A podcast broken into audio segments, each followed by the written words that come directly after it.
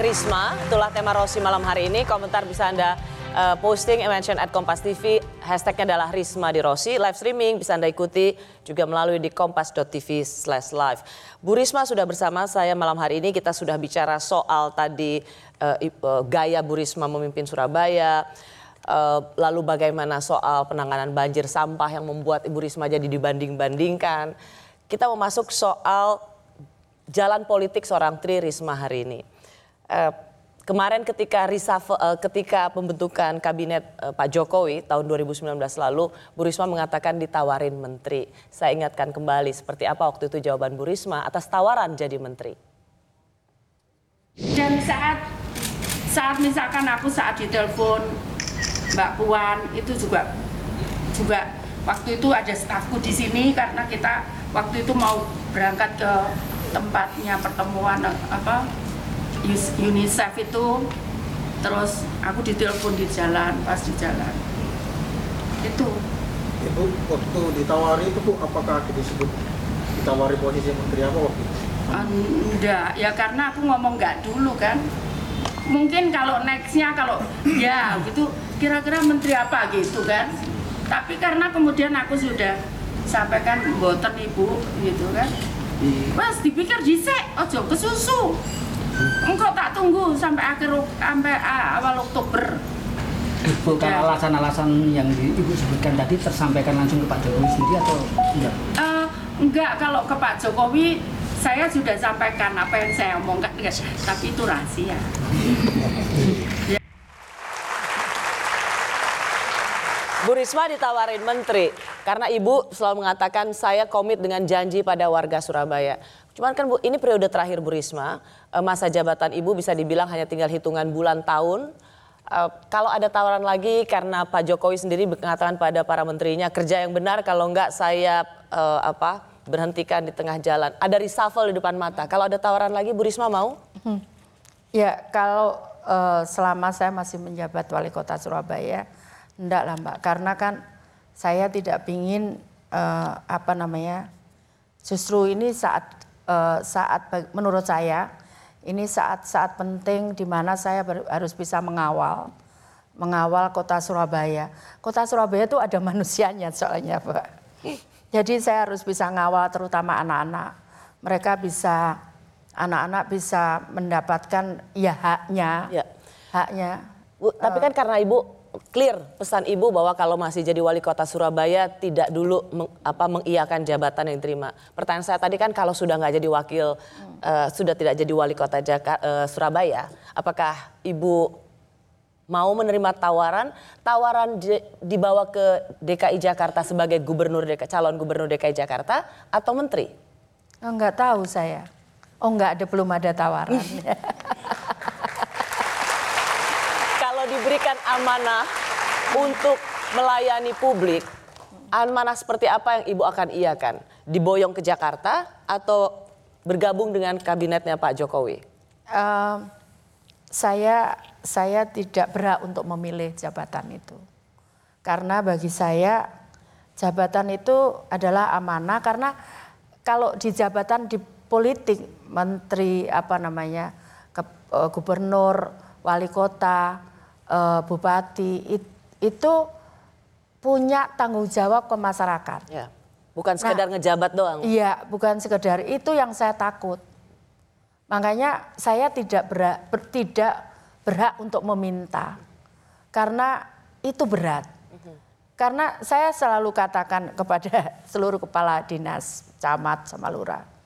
Tolong cari warga Surabaya yang dia susah, karena dia sakit atau dia nggak bisa sekolah atau dia nggak punya pekerjaan atau apa pun tolong dicari.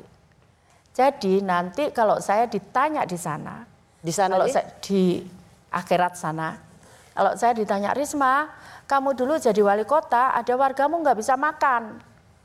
Saya akan sampaikan, malaikat mohon maaf, saya kan nggak bisa sendiri, ada kepala dinas, ada camat, ada lurah, tolong ditanya mereka juga. Saya sudah perintahkan mereka kok untuk cari itu. Ini betul. Dan mereka takut, mereka cari. Kalau ada apa namanya sama-sama takutnya lah, gitu ya. Jadi pokoknya kalau saya Iya. ditanya saya akan bilang karena kalian sudah saya suruh cari, kalian nggak cari. Iya, kan ya. nggak bisa semua saya handle. Wong di yang digaji juga semua. Iya. ya. bareng-bareng Kan ya. bareng-bareng, iya. tanggungannya. Bu, saya ingin mengutip kalimatnya Menteri Dalam Negeri Pak Tito Karnavian.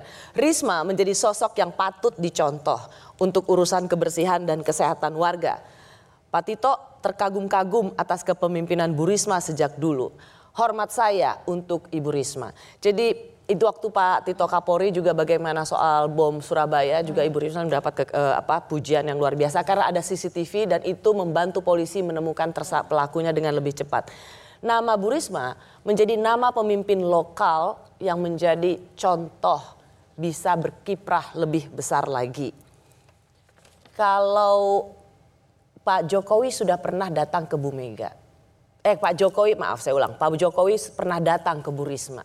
Mengapa Bukan datang, Oke, ketemu. ketemu, Kalau datang itu. Pak Jokowi ada di Surabaya menyempatkan waktu untuk ketemu Bu Risma. Jadi benar kan Pak Jokowi ketemu Bu Risma? Iya, tapi nggak ngomong itu. Oke. Mengapa Ibu masih mengeraskan hati untuk permintaan melayani orang melayani Indonesia di panggung yang lebih besar? Sebetulnya men- menurut saya Mbak, ya saya kan boleh berpendapat kan. Eh, melayani orang itu tidak jari jabatannya. Seandainya saya, misalkan saya punya jabatan yang katanya orang lebih tinggi, karena saya melihatnya tidak seperti itu. Misalkan saya jadi gubernur, tapi kemudian saya tidak bisa menolong orang itu. Apa artinya jabatan saya? Gak ada artinya. Jadi menurut saya bukan karena dia lebih tinggi wilayahnya atau lebih luas wilayahnya atau lebih tinggi jabatannya bukan. Tapi bagaimana seorang seorang pemimpin tadi saya bilang dia punya arti untuk warganya. Ya. Nggak nggak mungkin kan Mbak, saya sampaikan nggak mungkin kan. Eh, nggak mungkin kan misalkan orang memilih saya untuk apa milih saya kalau dia nggak berpikir untuk hidupnya lebih baik. Nggak mungkin kan dia milih itu. Ya. Nah, kemudian ternyata karena saya ngomong, saya merasa sombong, saya ngomong saya mampu. Saya mampu menyelesaikan ini. Ternyata itu nggak bisa ternyata. Dan itu adalah kesia-siaan. Ya, jadi kan nggak ada gunanya tuh. Jadi makanya saya tidak berani pernah jawab ya. Biarlah nanti saya nggak tahu tiba-tiba ada yang jawab gitu. Tiba-tiba apakah menteri, apakah dibawa ke Jakarta sebagai Enggak, salah satu enggak calon tahu. gubernur DKI saya juga enggak tahu gitu. Atau gubernur Jawa Timur? Mbak Rosi mungkin tidak percaya. Justru yang pertama saya saat itu malam besok pemilihan saya berdoa untuk saya tidak jadi. Karena itu saya tahu itu berat. Untuk periode kedua wali kota? Eh, periode pertama. Kalau periode kedua saya nggak nggak nggak doa minta apa pun gitu. Ya saya doa untuk Surabaya supaya tidak terkena bencana. Waktu tidak- yang pertama itu justru ibu berdoa jangan Iya, kepilih. iya. Orang berdoa supaya kepilih. Kenapa Bu Risma malah berdoanya nggak kepilih? Berat mbak. Berat tadi saya katakan. Coba bayangkan kalau ini surat saya, saya tanda tangan. Biar bisa buat orang 3,3 juta orang Surabaya menderita. Bisa saya buat surat itu. Tapi saya juga bisa membuat selembar surat itu 3,3 juta orang bahagia semua. Jadi artinya di situ saya dititipkan nasib orang. Ya kan? Saya dititipi nasib orang oleh Tuhan. Itu berat. Kalau warga Jakarta juga nitipin nasibnya ke ibu gimana? Ya nanti ada yang jawab gitu. Nggak tahu tiba-tiba saya tuh juga bingung. Saya ditawari macam-macam sama Bu Mega, saya tolak. Kemudian Kok tiba-tiba berani ibu nolak Bu Mega? ya saya kan masih punya tanggung jawab. Ya. Dan Jadi Ibu Mega waktu itu- biasanya mengerti sih soal-soal Mengerti, seperti sangat mengerti. paham. Dan Ibu biasanya sangat sangat, paham, ya. appreciate justru ketika ditawarin sesuatu punya jawaban bahwa ini ada tanggung jawab saya yang Ya. lebih besar. Ya waktu kemudian saya ditawari ke- eh, menjadi ketua ke- di- di Bidang DPP, kebudayaan. Bidang kebudayaan. Tahu Mbak Rosi apa? Saya bilang waktu itu saya lagi bongkar lahan karena saya bikin pengen ini sekolahan bagus gitu, tapi nggak punya lapangan. Nah kebetulan eh, itu lahannya Pemkot, ada bangunan orang. Saya ngomong, udah saya pimpin sendiri bongkar. Supaya anak-anak bisa segera gunakan untuk lapangan. Saya pimpin sendiri di telepon, Mbak ini mau ditawari Bu. Karena saya bingung mungkin ya saat itu, ya ya sudah gitu. Setelah itu, loh aku tadi ngomong apa ya, kok ngomong ya sudah gitu. Jadi jadi ya sudah kan enggak bisa kemudian saya cabut omongan saya kan enggak bisa. Iya. Bu Ya. Mega sendiri bilang sih waktu pelantikan pidato pelantikan ini orangnya lagi bongkar-bongkar Iya. katanya. Gila juga ternyata mau. Iya. Ternyata bukan hanya Bu Risma yang bingung soal jabatan. Iya. Bu Mega juga kaget juga Bu Risma mau menerima jabatan itu. Iya. Padahal sudah terjadi miskomunikasi di antara Iya. keduanya. Jadi saya juga bingung, loh aku tadi ngomong apa ya gitu. Jadi ya udahlah, saya tidak apa-apa. Mungkin memang itu kehendak Tuhan.